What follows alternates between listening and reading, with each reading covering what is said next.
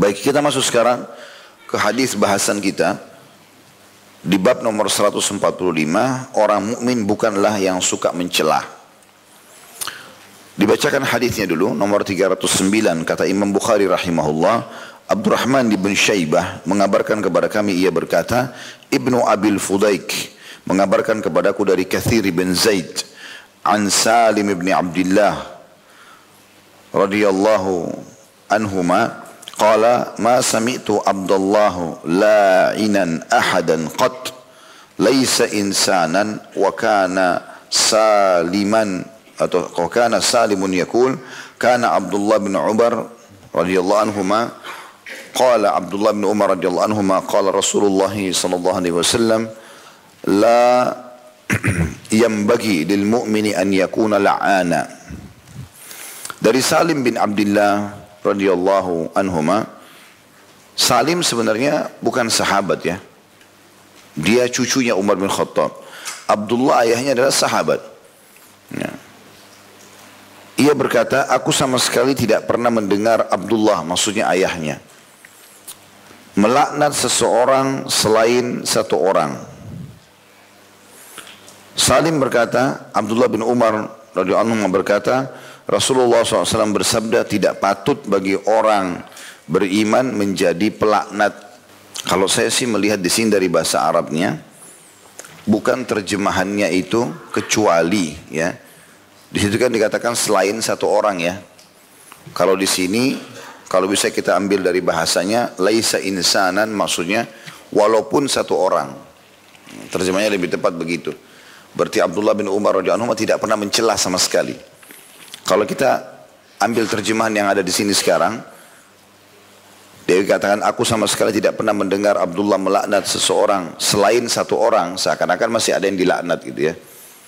Tapi kalau kita lihat lafadznya bisa bermakna sebenarnya walaupun satu orang. Artinya satu orang pun Abdullah bin Umar tidak pernah mencelahnya. Kita masuk ke kandungan hadis. Ya. Kandungan hadis yang pertama, tidak boleh melanggar kehormatan orang lain, baik dengan mencela, menggunjing, dan semacamnya. Kandungan hadis yang kedua, tidak boleh melaknat atau mendoakan seseorang agar dijauhkan dari rahmat Allah Azza wa Jal atau Allah yang Maha Suci dan juga Maha Maha Mulia dan Maha Tinggi. Hadis ini memberikan pelajaran kepada kita. Kita akan bedah. Salim perawi hadis ini bin Abdullah adalah seorang yang sangat soleh, terkenal sekali. Dan dia cucu Umar bin Khattab yang paling dekat dengan poster tubuhnya Umar. Baik tingginya, kekar badannya, warna kulitnya. Seakan-akan orang kalau lihat Salim melihat Umar bin Khattab. Ayahnya dia Abdullah adalah anaknya Umar yang masyhur.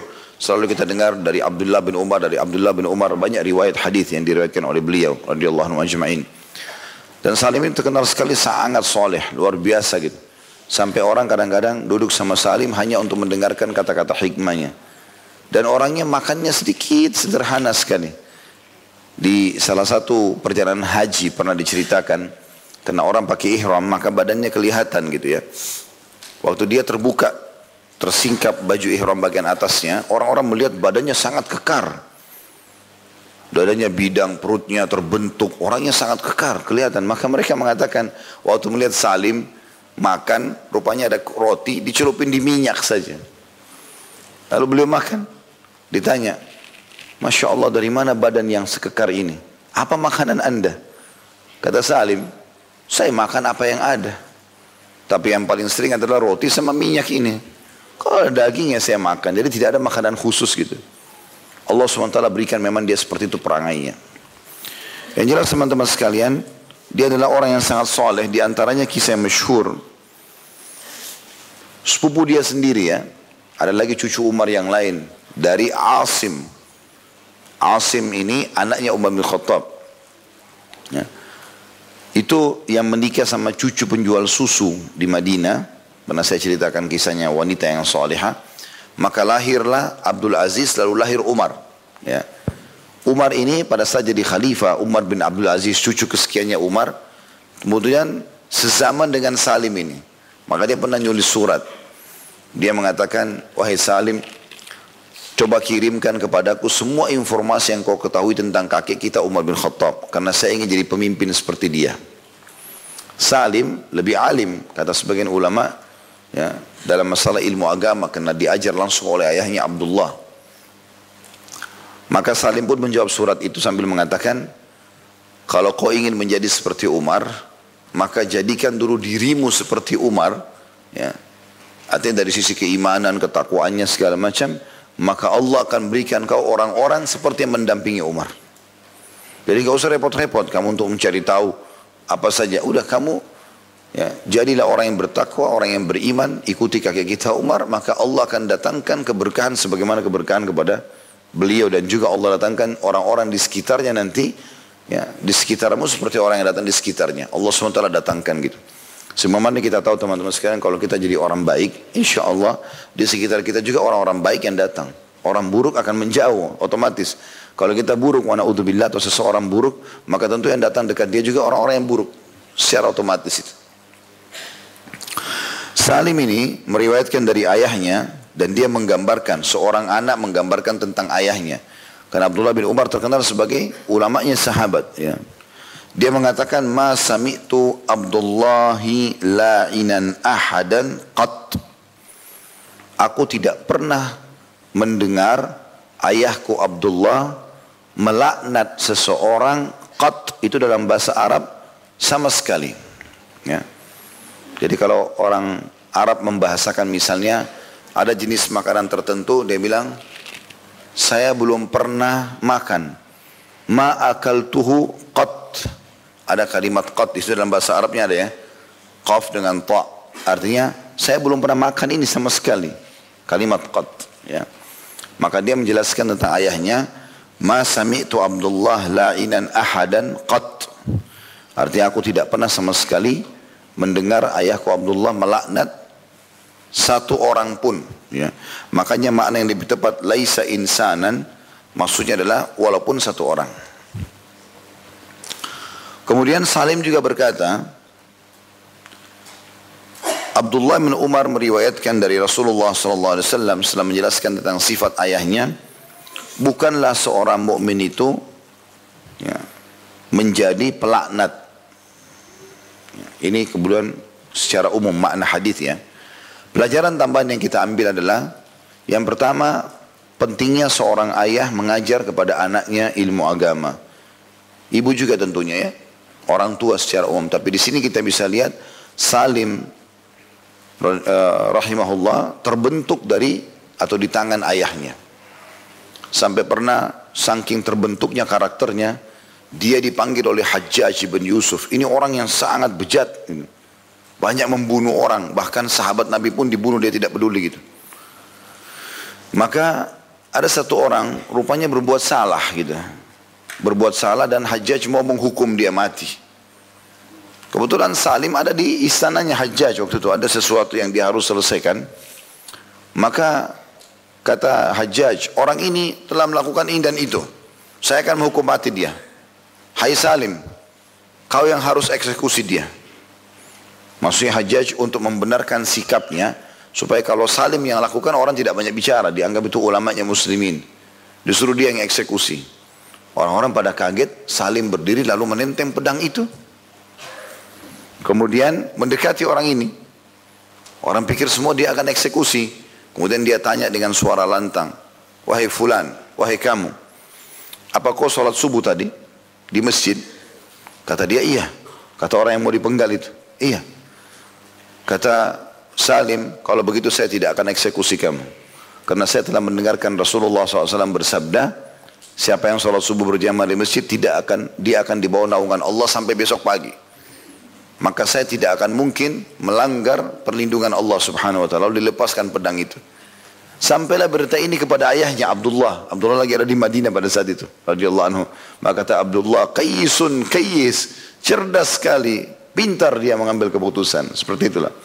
Jadi saking terbentuknya karakter, dia menjadi sebagai orang yang beriman gitu. Bagaimana dia menghadapi pemimpin yang zalim, bagaimana juga dia menjelaskan dalil pada tempatnya.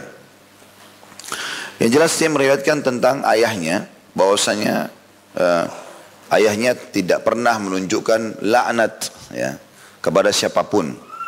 Dan ini berarti memang ada pendidikan. Pelajaran pertama pendidikan ayah yang baik kepada anaknya.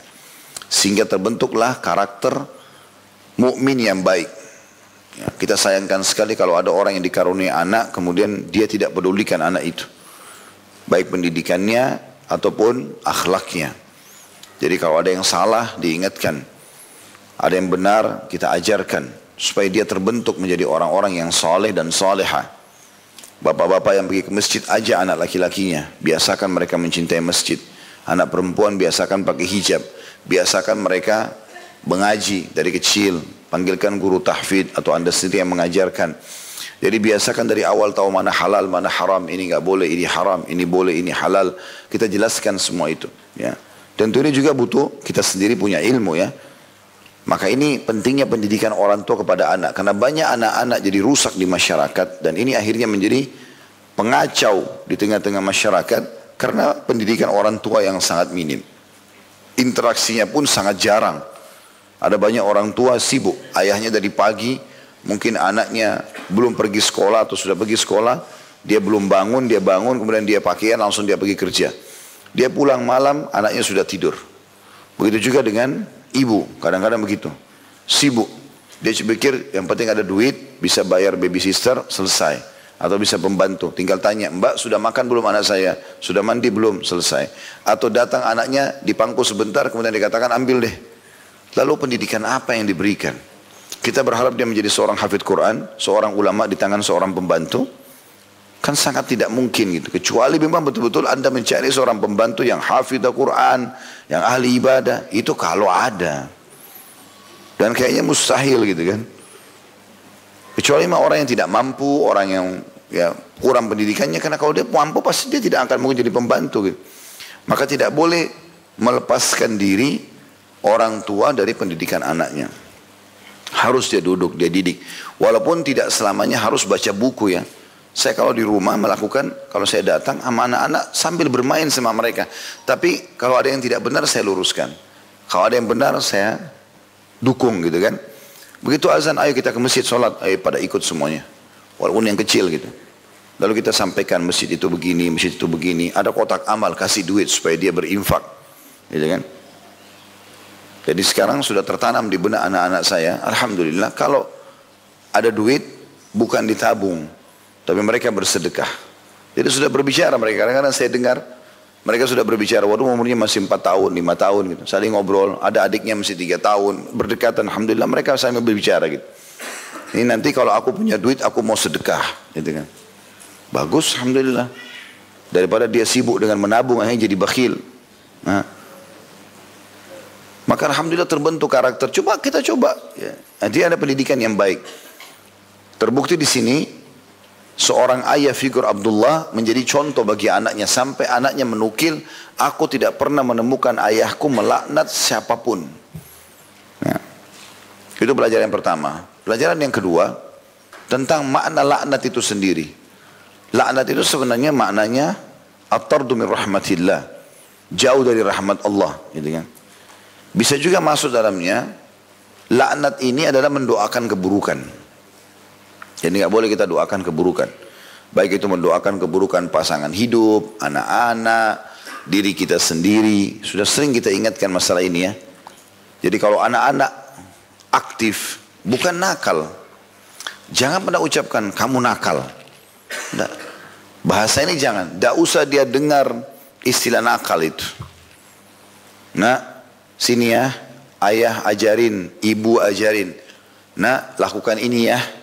Ya, kita ingatkan, alihkan dia kepada positif yang positif.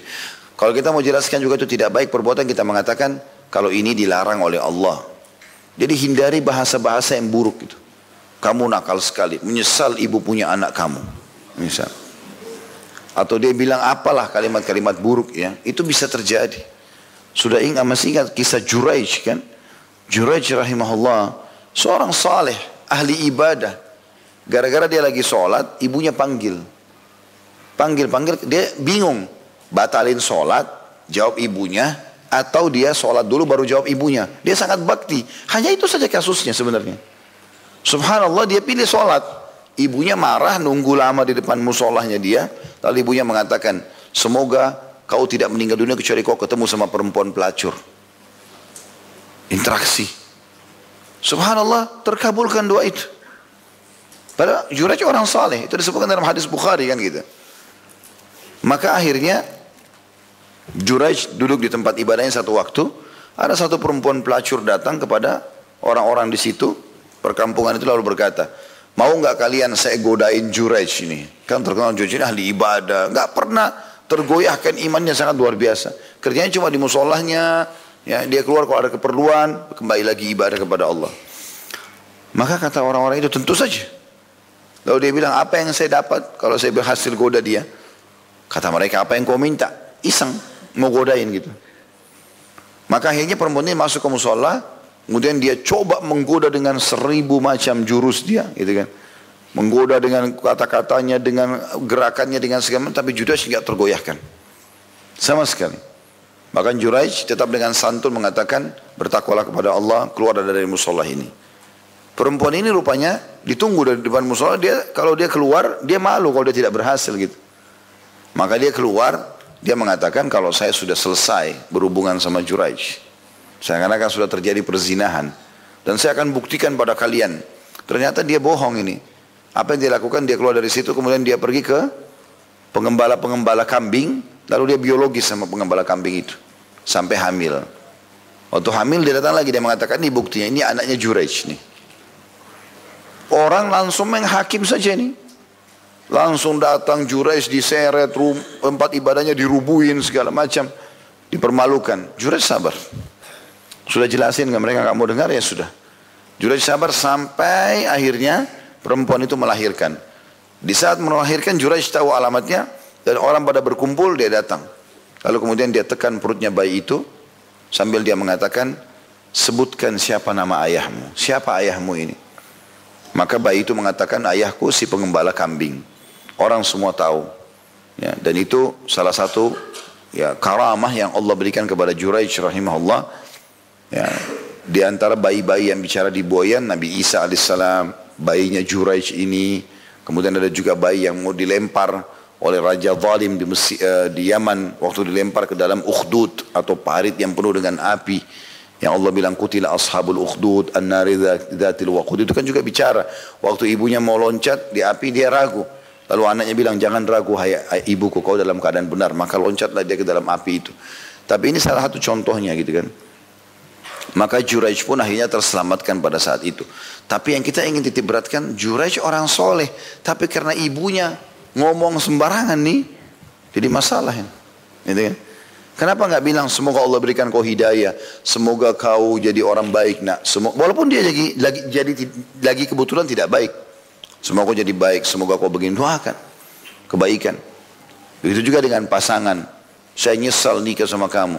Hanya menyesalan terus ribut terus gitu kan semoga Allah berikan kau hidayah semoga kau bisa berubah semoga begini dan begitu ya, dan seterusnya kita berdoa kebaikan begitu juga dengan harta kendaraan jangan hina motor yang dipakai mobil walaupun tua. Kan sudah berapa kali hajat kita dipenuhi atau terpenuhi dengan kendaraan itu.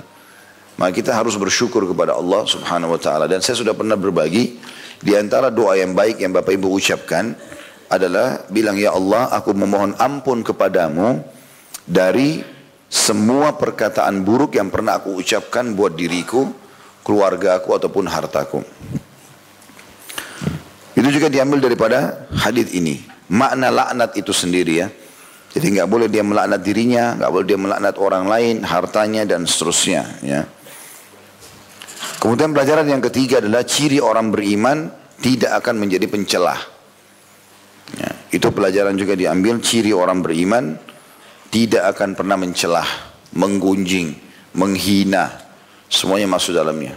Dia nggak akan pernah menyebutkan keburukan seseorang ataupun mencela satu tempat dan seterusnya, walaupun dia tidak suka. Ya, kalau ada yang salah dia luruskan saja, kemudian dia pergi. Ya, seperti itulah. Makanya di situ kandungan hadis yang ditulis tidak boleh melanggar kehormatan orang lain baik dengan mencela, menggunjing dan semacamnya.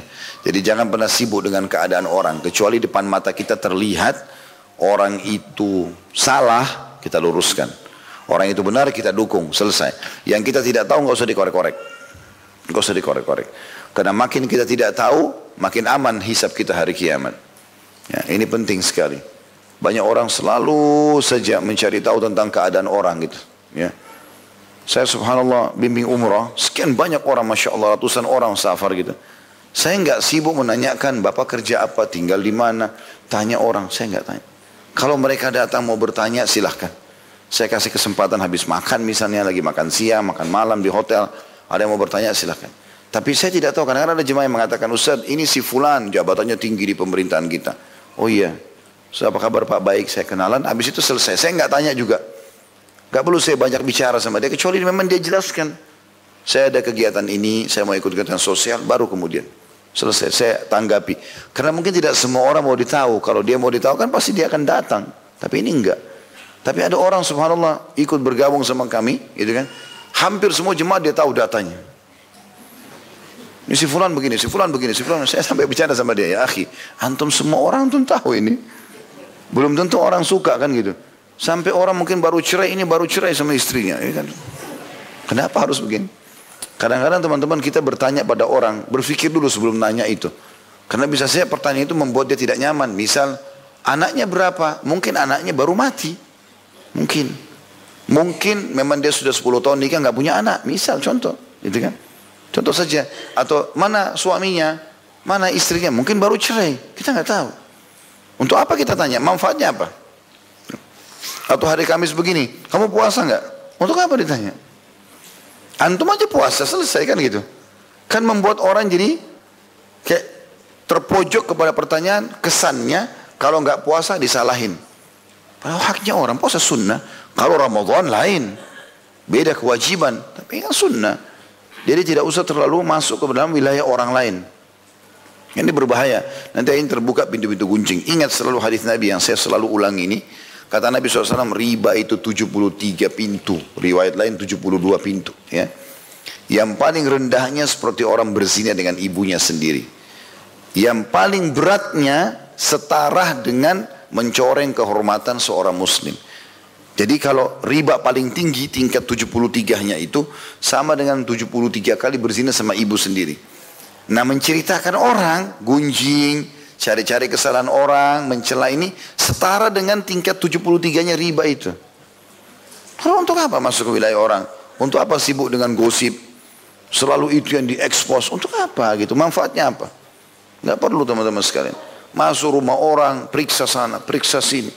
Mau cari tahu, tuan rumahnya belum keluar, dia berdiri keliling semua rumahnya orang. Begitu tuan rumah datang, oh bagus ya sofanya, oh bagus ya tamannya. Manfaatnya apa? Mungkin tuan rumahnya nggak suka itu. Kan itu.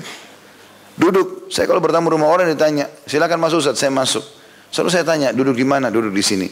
Karena ada orang bertamu langsung duduk di kursi yang tanpa dipersilahkan. Mungkin tuan rumahnya duduk di situ. Kursi dia mungkin kan tidak enak nanti. Maaf ya Pak, duduk sini itu kursi saya. Kan jadi nggak enak. Kan banyak hal harusnya dijaga. Ini bagian daripada akhlak yang harus dijaga tentunya.